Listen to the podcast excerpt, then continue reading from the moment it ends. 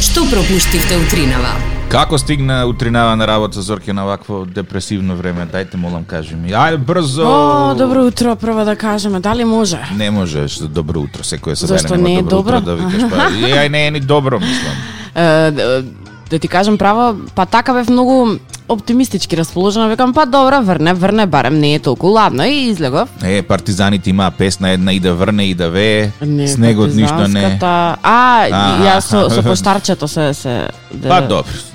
Фрли професија тука, било која, мислам дека е прикладна песна. Е, така, и е, да ти кажам право, возам, возам, викам, абе, некој светло да запалеше, многу темно од сабајле, како за 7.30, чудна работа.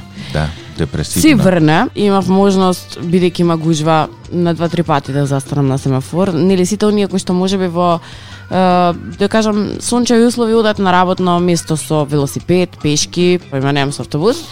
Сега на вакво време одат со автомобил нормално. да. И она што е многу интересно е дека, не знам дали си приметила, ако повеќе седиш на семафор, синхронизирани ти се пресачите со другите автомобили. Не сум приметил тоа, сериозно. Значи, на два пати имав можност да го чекам истиот семафор и автомобилот позади мене и автомобилот до мене исто ни бриша брисачите. Мислам, сега ти кажам колку ми беше досадно на семафор дека чекам. Чекаш 20 минути да стигнеш на дестинација кај што вообичаено стигаш за 7 минути, ете, преку сила. Лоша вест е дека денеска максимални само 12 степени и дошт, е, утре Ама не е повторно толку ладно. само облаци и максимални 12 степени. Е, недела ќе има затоплување, понеделник затоплување, вторник среда пак дошт и потоа најверојатно поминуваме во ера на сончево време, така да метеопати Сонце со издржате грмотевици. уште уште малку. Сонце со грматевици не ги лажи дека ќе биде подобро.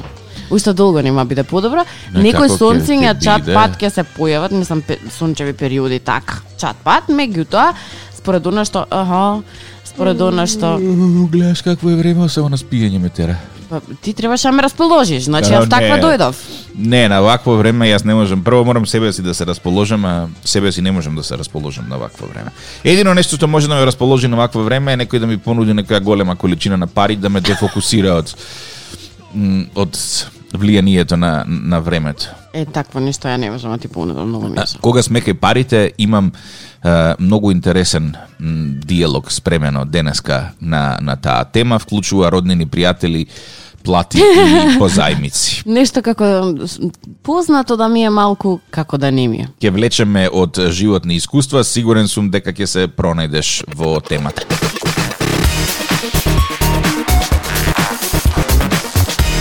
Прашањето од милион долари Зорке е дали си дала пари на заем и колку често ти бараат. Е, Да и да. Колку често не е да одговор. Одговор Па е. често, често. И Па на почетокот е, всушност многу се нервирав кога треба да одбијам затоа што мојата м, искуство вели дека сигурно ќе го расипеш односот со тој што си дал пари. да си ми жива и здрава. И да ти ги врати, и да не ти ги врати, тој пиши му крвче, ако што викаат. Да. Стари, така што е, во име на тоа да не си го расипам односот, освен ако не сработи за брат, мајка, татко, таква особа и не голема сума, да речеме, да ако сакаш илјадарче до крај на плата, може да замислиш кој тоа бара. Е, Сите. На други, па не, не си.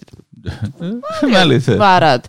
Е, друг, други некој не. Е сега зошто Види, велам моето не? искуство е дека ти ќе си ја расипеш е, калимерата со било кој, mm -hmm. без оглед на тоа дали ќе кажеш е, дај пари или м, нема пари. Ако му дадеш пари, ќе си искараш подоцна која нема да ти ги врати. Ако не му дадеш пари, Ќе си искараш ќе си одма да. искараш одма кога ќе му кажеш дека нема пари, па каков пријател си ти, па јас вака, па јас онака, па комплицирано Види, во мислам дека е. принцип, на неколку пати кога сум дала пари, е, во себе се опростуваш од нив. Значи, шансата Да. да. ти ги вратат е 50-50 и треба да си спремен. дека нема да ти ги Дека вратат. можно е, можно е, а најверојатно и нема да ти ги вратат.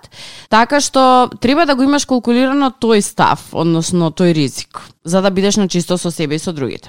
Ама има еден е, друг момент е, и искрено еден твит на на социјалниве мрежи ме инспирира за овој муабет. Mm-hmm. Тринава вели, епте не глупо да си ги побараш парите што си ги дал на заем. На пример му велам на другар на кој што му дадов пред три месеци некоја сума, нешто во стилот еј се потрошив и минатиот и овој месец, па ако имаш од понеделник да се видиме, а неговиот одговор е важи брат ќе ти дам колку ти требаат. А при тоа човекот ти, Ти должи зема- пари. Може би заборавил, може би заборавил. Види, и, има луѓе кои што намерно играат на таа варијанта. Знам. Еј, забораев. Види, е, давање, позаемување, барање, заеме, прво сигурно тој што ти бара заем, поминал низ некои одредени филтри, му било многу тешко за да ти побара и ти бара тебе. Ама, Зорке, Меѓутоа. има, да. Значи, чекај, само да, да докажам. Че сакам да ти кажам дека сум била и од оваа и од таа страна, особено млада кога сум била, па не ти достигаат некој динарче, го закрпиш месецот, така натаму. Значи, сум била и од оваа и од онаа страна. Ти е глупо на почетокот да побараш, многу ти е непријатно. Си викаш, леле, што ќе помисли за мене? Леле, дали ќе ми даде? Од друга страна, притисок ти се врши од ваму, да ги Да ги дадеш парите. парите, да, или евентуално да ги да платиш некоја сметка која што ти се заканува, не знам, исклучување, тоа ти е под број 1. И треба да бидеш спремен. Минимум да имаш две места од каде би можел да ги вратиш после тоа парите. Не две Така е. места нови од кај ќе поземиш, туку Од извор, да, Извор, да да. стана твоја, не да биде рекредитирање на За кредит. да сигурно и сигурно, значи најдеш начин да ги вратиш. Опција број Б, ти си тој од кој што бараат пари. Се случило, дури ме- едно време ми беше смешно, леле, викам, па дај, Тоа кога се врати од странство за честија ти е барање. Да! и додека бев во странство имаше такви барања. И е, да, дадов пари и, и имаш опција А, враќа редовно и точно. Никад се не е десило, 100%. Е, опција број Б, враќа ама доцни и опција број С, никогаш нема да ти ги врати. Е, Стаса една порака вели цела година помина од како поземив пари за една личност да си го прослави роденденот во соседна држава. Истата личност од тогаш има направено три тетоважи и се жали како нема доволно пари на крај на месец бидејќи е на минимална плата. Па нема да правите тоа важи. Нема да слави роден ден во Нема да слави соседна роден земја. ден во- И во јас странство. сакам, и јас сакам да ти кажам право, и мојот мојот роден ден во сред лето е. Ехе, го ќе ставам бакви венчиња и лечиња, што да ти кажам. Меѓутоа, колку ти се долги нозете, толку ќе си го пуштиш чергичето. Од друга страна пак, или обратно беше, колку ти е долго чергичето, ќе си ги пуштиш Да, нозете. извини, уште еден коментар Стаса Ау, од е, Билјана. и Вели телефон. 6 години должи најблискиот, ми се дере е, секогаш кога ќе побарам да ми ги врати, на крај реков дека сум лута, а тој жив среќен како да се ослободил од долг, не ме дружи веќе пола година. Крш. Ало, добро утро. Добро утро, овдека е еден дистрибутер што секој утро ве слуша. Ни си имаш јавено Тоа, претходно, нели? Да, скоро секоја недела по еднаш ка се ево. Мгм. Кога ќе ме заинтригирате со темата. Темава е пари. с- сега должиш Парите. или ти должат? Вака, моментално не должам, не ми должат, а знам дека голем број више пари на заем не дава. Ни брат на брат, ни сестра на сестра. Што порано го, Заврши го тоа. научиш тоа, тоа подобро за тебе. И за сите општо. Заврши тоа, ако ми треба пари, идам во банка, се подпишувам документи и си зијам, али никако во овие други за брзи пари. Да. Таму, брате, кој е отишол, јамката си ја ставил на врат. Да, да знаат сите, бе, јавно го кажувам. Да, да, тамо се, Бидејќи- у- условите се страшни тамо. Тоа како да подпишеш договор со ѓаволот. Тоа, тоа кој е отишол таму да знае дека м, тешко да се врати назад. Понапред. Ја Не, не, не ви го може. следам муавето, пошто не знам што се дес- случува Е, таму и сега една, какви. една финта, една финта на кратко за зимање пари на заем. Другарче мој е така по имачен со пари, му доаѓа друг другар. Брат, 1000 евра за 7 дена ти ги враќам. Нема проблем, другар. Овој не за 7, за 5 му ги враќа. А сигурен сум дека не ги не и потрошил, ти е ги чувал. Само за да стекне доверба дека е, е поштен. Да, за да после Замете следниот пат жена. побара да. 10.000. Следниот пат му побара 10.000, точно. И не му ги врати 5 години, до ден денес не му ги врати. Да, веруј ми, тоа Многу тоа е јака финта. тоа не е тоа финта, тоа е прва лекција што те учат кога си мало влавче. да, Ете така. Поздрав до тебе и до Зорка, одлични сте. Фала ти. ти.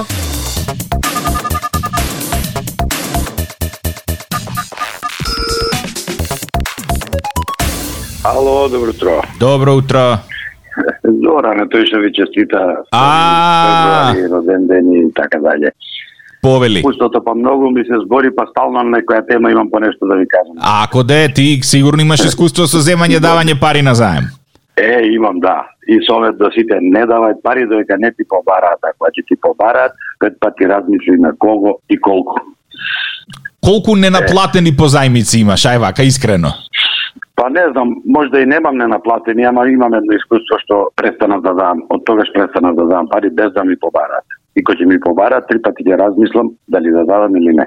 Се возиме со другарчето, а викам ја зема ли машината, ја зема. Царина Марина ја уклучи, да, све заврши, земав од сестра ми пари со камата. Како бе од сестра ти со камата? 4000 евра, вика, земав со камата од сестра ми. Што ми ти кажал да викам, па ја ќе ти дајам за толку, ќе се најдеш, ќе се обереш, ќе работиш. Не е касно, вика, не е касно. Му давам 5000 евра, ги имав, ги чував ја у градба, ги чував, ајде да се најдат, му ги давам, вика, ќе се обереш, ќе ги вратиш година, година и пол, две скоро, ми е срам да ги побарам, човеков абер нема. Идам кај него дома, реновира, средо е купатило дневната и видите, викам ќе барам. А да викам друже вака и вака мене ми требаат парите. И па не е проблем, отиде у спална извади ја шифонер па 5000 евра. А и, и, и од тогаш реков готово више. Готово нема давање. 5000 евро у фрижидер, Зорки. у, у шифонер. Не, не, уште, знаеш као, абе, па добро што не ги побара со време, знаеш, така ми иде тоа. Еве ќе ти кажам која е тука психологијата. Е, Должникот никогаш нема да волонтира сам да се збогува со 1000 5000 евра кои што некој му Не ги си. дал на заем. Јас, не можам да спијам. довер, доверителот, тој што ги дал парите, Добра. м, ќе има некоја доза на срам да ги побара парите со предпоставка овој ќе ми ги врати кога ќе има. И тука настанува тој дисбалансот, кога кој треба да ги врати парите каде. Значи, мислам дека проблемот се јавува во ќе ти ги вратам кој ќе имам или врати ми ги кој ќе имаш. Да, и тоа не е дефинирано кога кога ќе Тоа е имаш, многу нели? опасен момент. Која ќе имаш, може да немам никогаш, меѓутоа јас треба да ги вратам парите, така? Така е. Од друга страна, ме чешкаат ако знам дека не се мој, морам да ги вратам. А тебе те чешкаат, други веруј ми не ги чешкаат. Е, Си спие така. Е, е, е, мучуе. Ало, добро утро. Добро утро. Повели. Оди човек на доктор и му вика, докторе, јас сум во трилема. Ајде, за дилема сум слушнал, вика доктор, ама трилема? Не. Е, вика, еден пријател ми должи 1000 евра, после година дена, вика, го нема, ја одам дома, звонам назван, че излегува жена му. Ајде, пријателе, бе, вика, вака и вака, парите, 1000 евра маш ти ми должи. А, не е проблем, влези, ќе се договориме. Легуваме, рече, и таа директно в спална, Да компензира. е, компензација, да. Е, ја рече, што да правам, ајде. Али во моментот влегува маши. Ја на жена му, маши е на мене. Е, завршивме работа, сединаме, пиеме кафе и, абе, што правиме со париве? Ајде рече за наредниот месец намини ќе се раздолжи. наредниот месец одам ја, иста случка.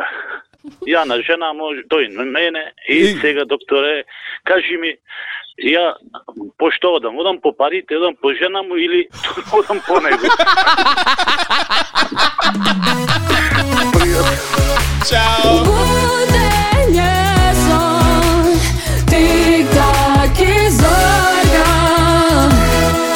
О-о-о-о-ја. Радио Гар. Е, да кажам дека денеска продолжува вакцинацијата на ризичните категории граѓани. Денеска на ред доаѓаат пратениците. Па бога ми ризично е кај ни више. Па не знам како тие дошле во приоритетна група, ама според мене треба да бидат според старост на граница. Значи ако има пратеник над 72 години, нека си се вакцинира, овие другите нека чекаат. Ама што е тука е како и за еден куп други работи, приоритетите кај нас се Измешани. чудни. Да. Е, парични позајмици воглавном не би требало да се даваат. Ако веќе имаш вишок пари и сакаш да си ја чукаш главата, дај ги што вели е, двајца пратија порака, вели си ги барам парите кои што е, ги имам дадено на заем, човекот вели абе јас имав мака, па ти ми даде пари, ама што мака имаше ти за да ми ги дадеш парите. Па вака сега до недоглед ќе си ја префрламе топката кој кому треба да врати, колку, кога и како. Имаше ситуација исто, е, не е моја ситуација, меѓутоа ситуација на блиски, е, исто. Позајмила женава, оди кај кај, кај човекот, близок роднина, вели, значи, стварно нема смисла. Чекам, чекам, чекам и све цело време само ме е, замајуваш. Те денес ќе ти ги дадам, те за една недела ќе ти ги дадам, Да, те за да. еден месец ќе ти ги дадам. Дали толку не ти значам да ми ги вратиш? И овој одговора, а Ау. дали ја толку не ти значам да доаѓаш да ми ги бараш, односно дали е, нашата родненска врска е под тоа дека треба да вратиш пари, односно да земаш пари. Така што е, многу комплицирани се овие ситуации. Меѓутоа, јас налетав случајно на пет златни правила кога е во прашање по земување, односно давање на пари на близок пријател или роднина. И правило број 1 вака што светка црвено гласи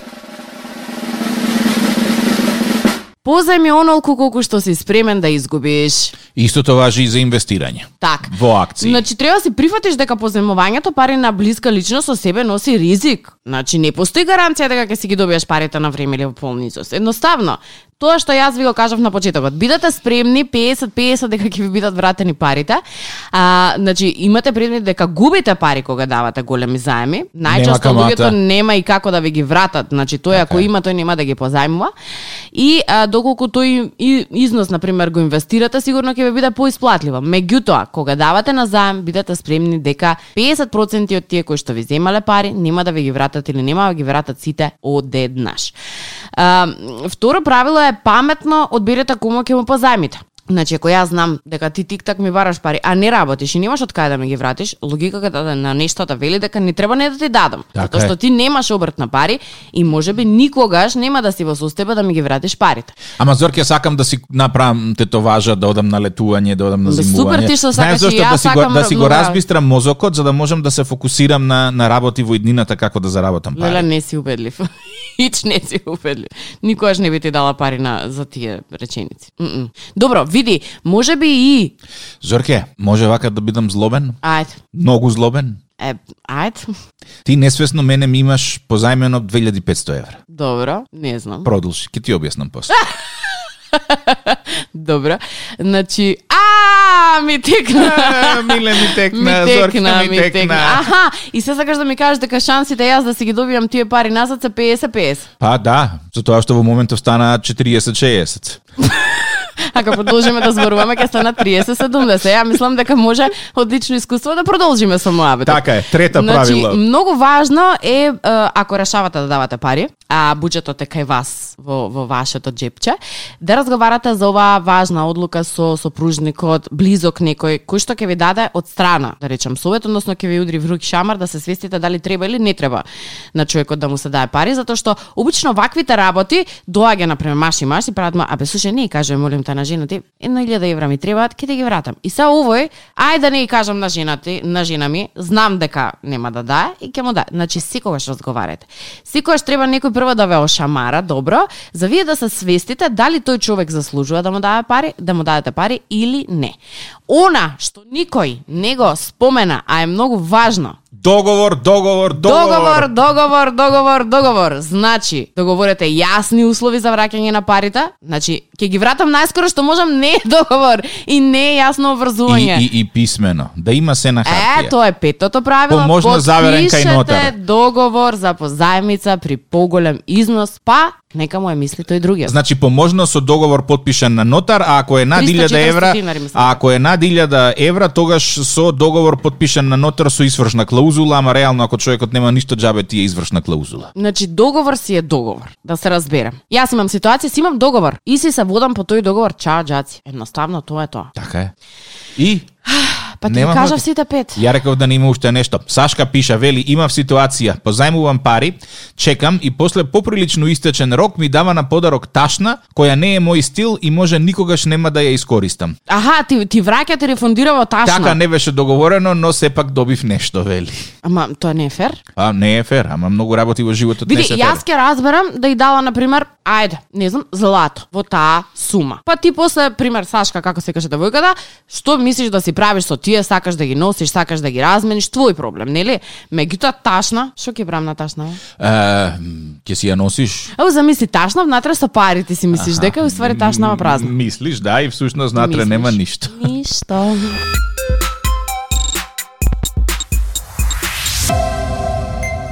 денеска дискутираме на тема позајмици и вашите искуства со должничко-доверителски односи со роднини, пријатели и слично. Добро утро. Ало, Е, повели. да.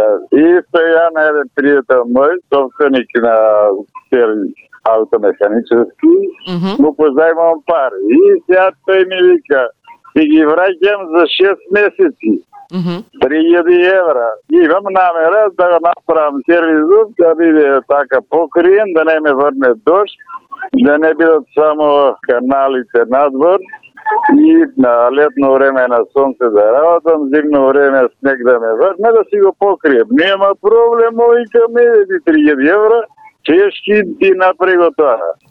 Ама, И тоа, да, и едни ле дојде летото, си отиде на одмор у Грција, ни стубови се ставија, ни ништо. Дојде другото лето, а ми вика, ги враќам за 6 месеци, му викам, ја не ми треба, не, не ми требаат парите моментално. Слободно работи, ај за една година може би, еве на две му викам, ја, еве за две вратини, не ми требаат. Мгм. Три години си оди на одмор у Грција, си троши по 1000 евра, машала. ни трага ни ништо од оноа што беа на мене ти парите Да, дадени. Ама сега јас малце ке те скарам, па ти си виновен тука. Си му рекол не ми Да. требаат. Не, не ми требаат за 6 месеци, ја Знам му да викам, знам. «Еве, година. Две нека бидат, али да си знае, намерата негова ме фасцинира, да разбирате? Тоа е многу, знам, многу е лошо затоа што ги позајмуваш парите всушност за да му помогнеш некому, а тој си помага Да. со одмор и сега ти, ти тебе ти се е, Тоа, е, да. ти, ти се ствара некој немир. Си викаш, добро, и јас можев да одам со тие пари во Грција или било Не, каде. имам за да дам ја, имам Мгм. ја да дам. Значи, Ја, стварно ти не ти чисто требале. Да му помогнам, чисто да му помогнам, да не го врне доше, сега врне дошо надвор, е, да работи на кола, поправа надвор, Слушај, и така и натака. вака искрени да бидеме. Извини, извини уште да се докажам, значи помина е ги 10 години. Мислев дека уште- правиме за пократ временски период. Не, 10 години ги исчерка така 100 по 150, 100 по 150, ни ја и разбирав ја од парите, ни па он направи нешто, зашто му да беа дадени. Леле, па ми капна капка. за- Е, така. Ти сакаш Друг- тик-так. Има и други причини, него е таки. Чекај, Ништо чекај, се стој ќе малце, случи. с- чекај малце ми прокапе кровот од озгоре, стој. Не збори. Да бе, Дај, дај да ми позајмам пари да, да го направи на кровот. 5000 имаш? Се ти јади. Ја раситнирам за петијади.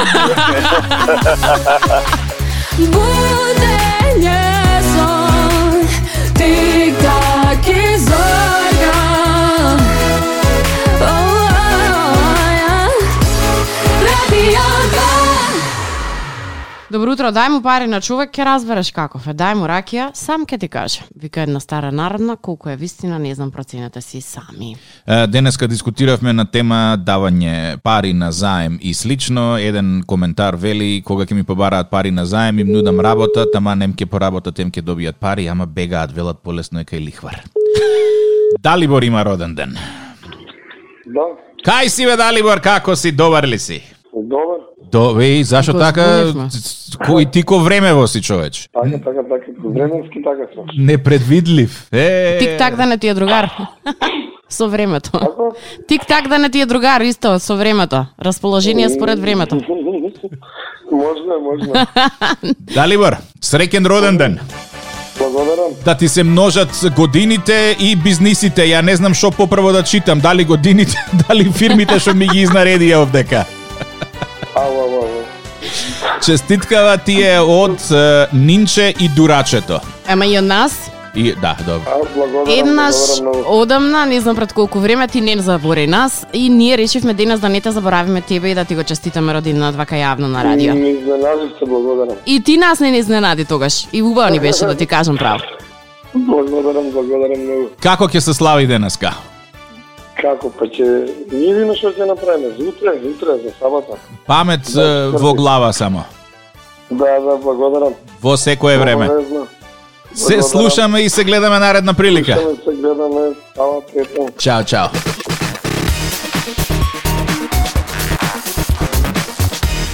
Поздрав до сите вработени на Лукоил Гевгелија не слушаат. Жалам што не можевме да излеземе во пресрет утринава и да ви го е, честитаме роден денот на колешката до година и јавувајте се пошо време. Последен роден ден за денеска, Владко од Гевгелија исто така. Има роден ден, бизнисмен, човек, мозок. Утре му е роден денот, ама ние ден однапред. Зорке, спремна си да тргнеш во оган? Не. Спремна си. Петок е. Хајде. Владко дали ќе се јави. Владимир. Петоков, Зорке, како Чекај, за Владимир понеделник. ли е, за Владко ли е? Така Владимир А, Владко. Ало, Владимир Владко. Да? Добро утро, како си? Добро утро. У, збунето. Добро. Ајде, вака со ред. Утре ти е роден ден, така?